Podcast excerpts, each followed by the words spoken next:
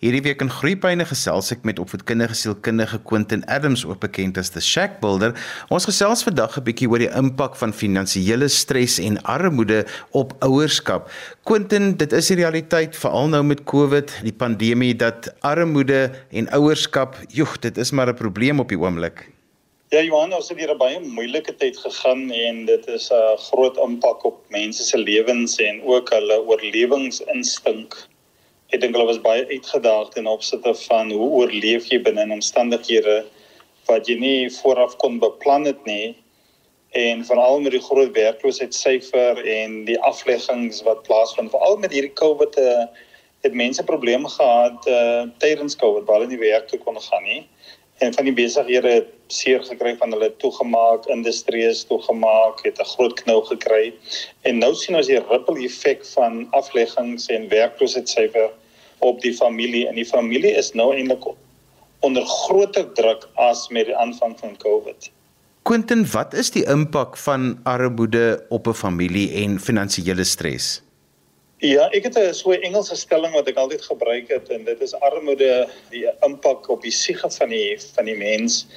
Uh it's like terror terror in the mind. Uh mense word uitgedaag en dan wat interessant is is dat die equilibrium uh, word versteur. Hulle gaan in wanbalans in. Want daar is um, as ons kyk na armoede, dan moet ons praat van die multidimensionele faset van armoede. Wat beteken armoede of uh, lae inkomste of geen inkomste het 'n impak op verskillende dimensies. Dit het 'n impak op jou fisiese dimensie, op jou sosiale uh, dimensie en dit het net groot verrykende uitdagings op verskillende fasette van van mense se bestaan en mense se lewens. En dit is 'n vernietigende faset ek gebruik altyd drie woorde. Armoede is wreed dit is ongenaakbaar en dit is diep geniepsig. Jy weet nie wanneer dit kom nie jy weet nie hoe om dit te hanteer nie want dit is 'n tsunami van gevolge wat wat dit het op jou op jou huis en jou bestaanswêreld Quentin, as so 'n tsunami nou jou gesin tref, waar begin 'n mens die stukke optel en hoe hanteer jy dit met jou kinders? Ek dink uh, daar's een woord wat vir my elke keer uitstaan en dit is kommunikasie en deursigtigheid. Jy moet eerlik wees met die met die gesin om vir hulle te sê dit is hierdie situasie wat nou plaasvind binne in ons huis, veral wanneer dit kom by by by werkafleggings die pa word afgelê en of die ma beide ouers word afgelê want dit gebeur in baie situasies. En dan dink ek is dit belangrik dat daar moet gekommunikeer word. Ek dink die ouers vat dit te veel na die binnekamer toe en dan wil hulle dit daar uitpleis en daar's net nie kommunikasie na die huisgesin nie. Jy sit met baie keer mense wat 'n uh, groter families het. Daar bly 'n oom en 'n tannie en nog iemand bly saam in die huis en skielik is daar net nie meer kaas in die yskas nie. Daar's net nie meer konfyt in die yskas nie. En in en in 'n ja, besigheid van kommunikasie en deursigtigheid dan begin eh, die spanning begin op te bou en veral wanneer dit kom by 'n ekonomiese impak. Die ekonomiese en finansiële stresor uh verhoog al die ander bestaande stresors en en dit is wat dit so moeilik maak wanneer dit kom wanneer hierdie verhoogde stres of van finansies en werkloosheid 'n uh, impak begin het op die familie en die gesinsfunksionering. Quentin, dit is al reeds uitdagend om kinders groot te maak in die tye waarin ons leef en as daar nou faktore soos finansiële stres en armoede ook nog bykom, dan het dit 'n impak op hoe jy met jou kinders werk. Ja, ek dink ons praat van die frustrasie aggressie hipotese en dit is nie net frustrasie aggressie by die ouers nie, maar dis ook frustrasie aggressie by die kinders. Want wat gebeur is die kinders is is gewoond aan 'n sekere lewensstandaard. Daar's sekere verwagtinge wat hulle het. Eh, sommige van hulle kry sakgeld of 'n bietjie geld of hulle het 'n verwagting dat hulle skoene sal kry of hulle het verwagting dat hulle klere sal kry of die skool gaan op 'n vakansie of hulle gaan iewers heen en hulle is by sport betrokke en hierdie ouers kan nou net nie die stewels of die rugby stewels of hierdie rompie bekostig nie. Nou is daar 'n verwagting wat geskep word want vir Lydia kon daardie behoeftes aan voldoen word, maar nou op hierdie stadium en dit is waar die spannings ehm um, situasie ontstaan. Die ouers het aggressie en frustrasie, die kinders het aggressie en frustrasie en hulle weet nie hoe om met hulle eie frustrasie en aggressie te hanteer te hanteer nie en daarom sê ek wat baie belangrik is wanneer 'n familie deur hierdie situasie gaan dan moet hulle uitreik na buitekant toe. Hulle moet 'n nuwe stelsel van ondersteuning begin te bou rondom hierdie familie en veral op die ouer vlak. Die ouers moet kan kommunikeer. Die broodwinner as dit nou die pa is, moet kan kommunikeer dat hy sy werk verloor het. Hy moet kan verduidelik dat in die afwesigheid van daardie eh, fasette kan depressie begin die ouer beetpak posttraumatiese stresversteuring, akute stresversteuring. En wanneer jy daai goed begin te ervaar, dan is dit baie moeilik om uit te reik na die na die familie toe. Daarom is dit belangrik dat hulle moet 'n stelsel van ondersteuning hê, maar hulle moet nou leer om 'n hulpsoekende gedrag aan te leer. Hulle moet hulle hand aansteek om te sê ek het my werk verloor, ons is plat Ehm um, ons het nie kos in die huisie, ons se krag word afgesny, ons waterrekening. Jy sal geskok wees hoeveel mense nie krag het in hulle huise nie omdat hulle net eenvoudig daai 30 rand om die krag aan te sit nie. En dan en dan is dit hierdie ripple effek wat dit maar ek dink is belangrik dat hulle moet 'n stelsel, 'n ondersteuningssisteem het. Hulle moet hulpsoekende gedrag hê en hulle moet gaan na iemand toe met wie dit veilig is met wie hulle kan praat oor hulle finansiële situasie. Quentin baie keer wil ouers dit van hulle kinders af weghou want hulle voel hulle sal hierdie stres hanteer. Hulle wil nie nog dit ook op die kinders plaas nie en dan almal leef so half in ontkenning wat sopas gebeur het. Ek dink en ek wil nie dit as 'n dis 'n dit, dit is 'n persepsie wat ek het of dis 'n opinie. Ek is baie versigtig om dit te te te artikuleer. Maar ontkenning is vir my die begin uh en die beginpunt van al daai psigopatologie wat later ontwikkel word. Want as jy nie as jy nie wil erken dat jy in die situasie is nie, dan kom verdedigingsmeganismes jy rasionaliseer. En een van die interessante verdedigingsmeganismes wat ons kry is die aggressie. Ek, ek dink altyd aan hierdie uh, man uh, wat gepraat het van the beauty of aggression. Dat aggressie begin nou vir jou te sê uh dat iets is in in in in in 'n plek nie. En en daarom is dit belangrik dat ons deur die ontkenning moet beweeg en jy kan alleenlik net deur deur ontkenning beweeg wanneer jy iemand het wat jou help om deur daai proses te gaan. En veral vir mans is dit baie moeilik wanneer hulle werk verloor het, wanneer hulle voel hulle het gefaal, hulle voel en veral wanneer dit die enigste inkomstebron is, hulle het gefaal, hulle kon iets beter doen, hulle het hulle familie in die steek gelaat en hulle het al hierdie ehm um, negatiewe selfspraak wat hulle het.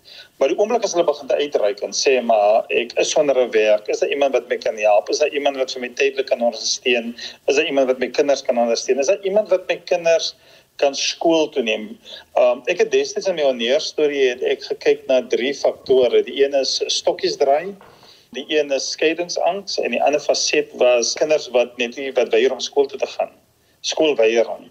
En wat interessant was die ekonomiese dimensie was die een wat aan die bopunt gestaan het van stokkiesdraai, skeidingsangs en skoolweiringsgevalle.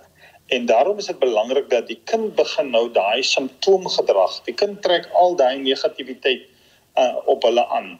En dan is dit hierdie ripple effek van skeidingsangs en skoolweiring en stokkiesdraai as gevolg van hierdie swaar ekonomiese uitdagende uh fasette binne die huis. Want Quentin byvoorbeeld en veral by jong ouers is hulle ook altyd bang as daar finansiële stres is dat hulle byvoorbeeld die kinders sal verloor en dat daar miskien drasties opgetree gaan word. Ja byvoorbeeld ek ek uh, was vanoggend uh, by 'n skool gewees en net daar gaan sit vir 2 ure. Ek dink dit was seker van my beste tye wat ek in 'n lang tyd gehad om net te gaan sit in die voorportaal ehm um, oor 'n kind wat te jong was en wat graad 1 was en ehm uh, En jy kan sien die uitdagings wat hierdie kinders het en hierdie ouers het. En dit het 'n psigologiese dimensie en veral in uh, gemeenskappe waar ek werk waar daar baie geweld is, word hierdie kinders deel van hierdie ehm uh, portiergroep en hulle begin saam uit die skool uit te bly en hulle begin stokkies draai. Stokkies draai is 'n groot verskynsel. Ehm um, ek weet daar was op 'n stadium wat hulle genoem het troonsie offers offers maar dit is dit is te groot die probleem is te groot as gevolg van hierdie ekonomiese uh uitdagings wat ouers het en dan ook uh, dat ons sien ook nou dat uh, die bendes begin op 'n baie jonger stadium nou rekrute te kry. Hulle hulle mobiliseer die kinders nou van primêre skool af en uh en dit is die ripple effek wat 'n uh, wat 'n sosio-ekonomiese toestand het uh, op 'n gesin se funksionering en uitdagings. Quentin, maar ons het nou in die eerste gedeelte baie gesels oor as dit jou nou tref soos 'n tsunami en dit kom onverwags en jy verloor jou werk en hoe dit in 'n gesin uitspeel, maar wat daarvan as die gesin nog altyd arm was en swaar kry en armoede deel daarvan was, dit het ook 'n groot impak op die kinders se ontwikkeling. Ja Johan, dit is dit is vernietigend uh, wanneer ons kyk na die want daar's so baie ander modaliteite byvoorbeeld. Ehm um, jy self 'n kundige op die gebied van voeding. Maar as ons kyk net die impak van van wanvoeding op 'n kind se lewe.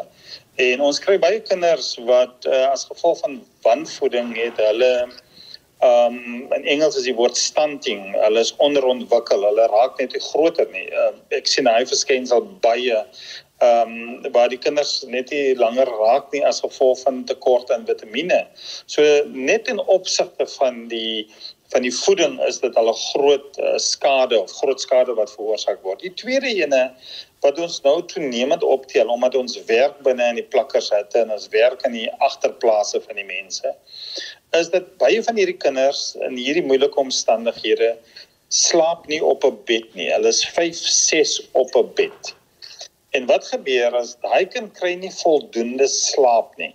En as daai kind nie voldoende slaap kry nie, dan beteken dit daai kind ontwikkel insomnia. Want wanneer daai kind skool toe gaan, is daai kind so moeg en uitgeput dat die kind se konsentrasie vermoë is baie baie laag. En ek dink dit is 'n vorm van trauma en dan word die kinders gediagnoseer vir ADHD. En daarom dink ek dat die dat die voeding en die slaap en die spasie is fasette wat 'n uh, vernietigende impak het op die kind se se breinontwikkeling. En daarom kry ons dat wanneer kinders onderontwikkel is, hulle is hulle is nie reg gevoed nie, hulle het nie voldoende slaap nie en dan hierdie groot krisis, ehm um, Johan, is hoeveel kinders nie in die voorskoolse uh, opleidingssentrums is nie, in die ECD sentrums is nie. Ehm um, die 2011 statistiek sê dat daar's veronderstel om 5.2 miljoen kinders in te wees. 3.9 is nie in voorskoolse sentrums nie. So dit beteken hulle kry nie die voldoende en toepaslike vroeë kinderontwikkeling nie wat 'n groot impak het op die breingrootte van daai kinders. So wanneer daai kind graad er ingaan, dan het daai kind al reeds 'n agterstand en hy kind kan nie die massa werk hanteer nie en dan gaan hy kind na graad 1 toe en daarom sien ons 'n groot uitvalsyfer later in graad 9 en graad graad 10 as gevolg van die feit dat hulle nie in ECD sentrums is nie. En dit is die uh die impak wat armoede het. Want baie van hierdie kinders kan nie skool toe gaan nie. Hulle kan nie die ehm um, die geld bekostig om na 'n plek toe te gaan nie. En ons het ver oggend nou in 'n area gesit en gesien dat daar's te min ECD sentrums in hierdie gemeenskappe. Hierdie kinders met 'n taxi vir hierdie kinders met ver ry en en hulle ouers het nie die geld nie want die ouers is werkloos. Die ouers is afhanklik van hierdie van hierdie toelaag. En daarom is dit belangrik dat ons moet kyk na die multidimensionele vlak van armoede. Dat armoede is nie net inkomste nie, is nie net iemand wat nie geld het nie. Dit het 'n ripple effek op verskillende dimensies. En my bekommernis is die wanvoeding, die feit dat hulle nie reg slaap nie, hierdie klein spasie waar daar oorbevolking is en dan baie belangrik is die feit dat hierdie kinders net nie by die voorskoolse sentrums uitkom nie en dit is groot skade vir die toekoms van hierdie land. Quentin, maar daar is ook die ander kant van die munt is dat daar baie gesinne is wat regtig finansiëel swaar kry. Hulle is baie arm, maar hulle kry dit nog steeds reg om hulle kinders goed groot te maak. Wat doen hulle reg? Johanna sien dat die as jy na die internasionale literatuur kyk van hoe kinders armoede kan ontsnap. Dan is omtrent so 12 uh kriteria wat hulle wat hulle gebruik om te sê as jy hierdie 12 kriteria dan dan gaan die armoede ontsnap. Maar een van die interessante fasette van daai 12 is dat ouerskapstyl lê baie hoog. Ek dink hy lê nommer 3 nommer 4 wat beteken ja, ja onderwys toegang is belangrik, transport is belangrik, fisiese toestand is belangrik, uh, intelligensie is ook van die faktore wat 'n uh, uh, impak het. Maar hierdie aspek van ouerskap styl. Dis hoekom ons jare gelede, omtrent dis nou presies 10 jaar gelede begin met dissipline begin by die huis.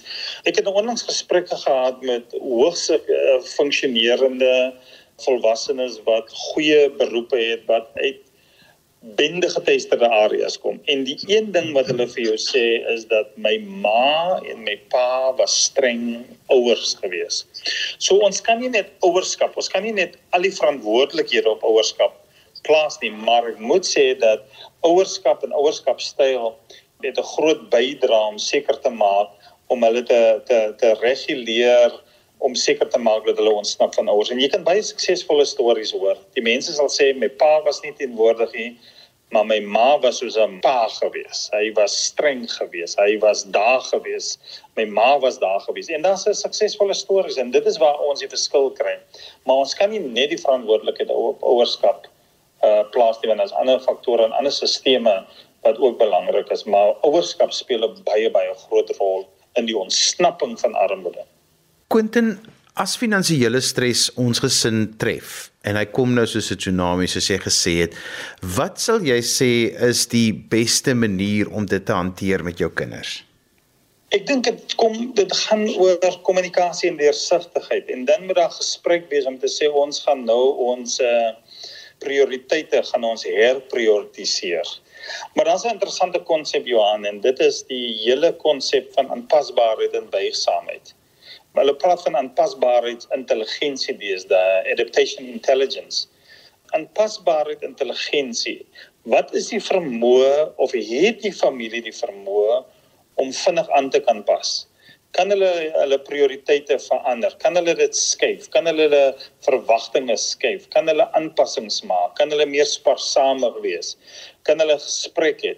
Want die familie wat meer aanpasbaar en buigsaamheid is, kan baie vinniger hierdie stresors beter hanteer. As pa sy werk verloor het of het 'n salaris vermindering gekry, kan ons dit aanpas, kan ons veranderinge, kan ons sê ons gaan deur 'n moeilike tydperk en daarom is dit belangrik dat die kommunikasie en die deursigtigheid so belangrik is om vir die hele gesin en vir die mense wat in die ondersteuningssisteem is te kan sê dit is wat besig is om met ons te gebeur. Maar mense they suffer in silence. Hulle lê in stilte. Hulle wil nie praat daaroor hulle skaam oor Hulle is bang wat gaan die mense sê?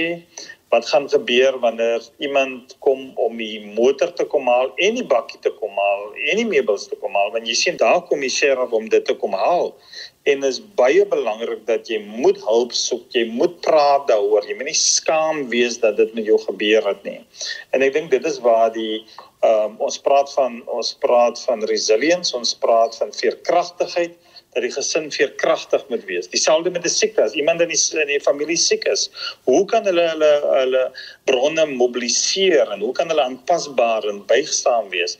En as die familie wat daai konsepte en daai aspekte het binne in hulle mondering wat hierdie storm baie beter kan hanteer. Quentin, ek weet jy praat baie met jong mense wat juis in armer areas bly en wat armoede beleef op 'n daaglikse basis. Wat is die dinge wat hierdie kinders vir jou sê? Hulle sê vir my gee vir my 'n werk asseblief. Kan ek werk? Hulle is nou al op hierdie stadium dat hulle vir enige bedrag sal sal sal wil werk. Ons het nou gesien in hierdie projek wat ons begin het, die transformasie. Dis ongelooflik die transformasie wat hulle deurgaan. Maar nou het ons dit verder geneem. Ons maak nou nie net ons gee hulle nie net 'n werk nie. Ons sê vir hulle wat ons wil maak is ons wil seker maak dat jy indiensbaar is en hulle is honger vir vaardighede. Hulle sien uit om opgelei te word. Daar's 'n hele transformasie binne hierdie jong mense en hierdie jong mans en jong seuns en dogters wat in ons in ons uh, programme is op jong vrouens wat in ons programme is. En ons kan sien die die transformasie en daarom dink ek ons moet 'n groter onus plaas op opleiding en ontwikkeling van jong mense wat die skool vroeg verlaat het. Ek het nog vroeër kommentaar gelewer dat dit help nie om ons sê die, die ekonomie moet groei, maar die mense wat werkloos is of die kinders wat vroeg skool verlaat het, kry nie geleenthede vir werk nie. Dit is 'n tydbom. Ek dink dis 'n groot krisis wat afgeweer moet word.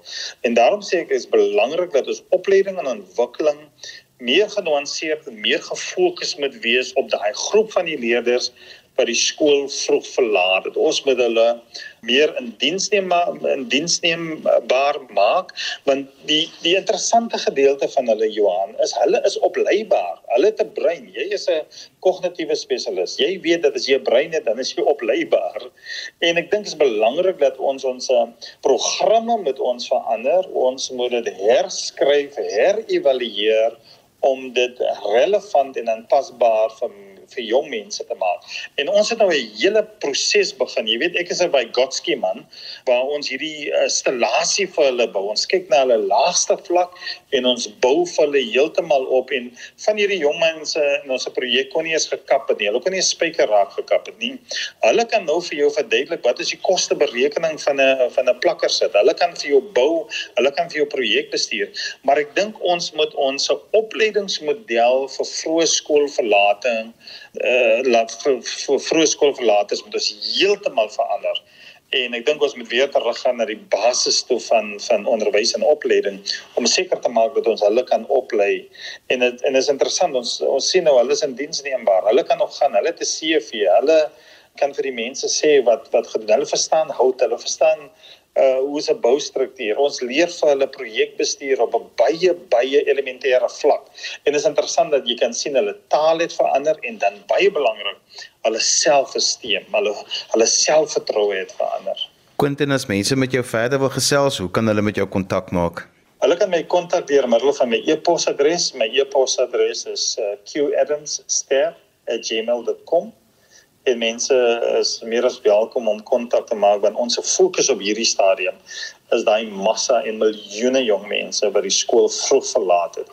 Ek dink dit is waar ons fokus moet wees en dit is waar die minister van finansies ook 'n groter fokus moet plaas om seker te maak om daai daai jong mense produktief in die ekonomie te kan integreer. En so gesels Quentin Adams op wat kindige sielkundig en ook bekend as the Shack Builder. Ons het vandag gesels 'n bietjie oor die impak wat armoede en finansiële stres op gesinne het. Skryf gerus in my e-pos by groeipyne@resgep.co.za. Dan groet ek dan vir vandag tot volgende week van my Johan van Lille. Totsiens.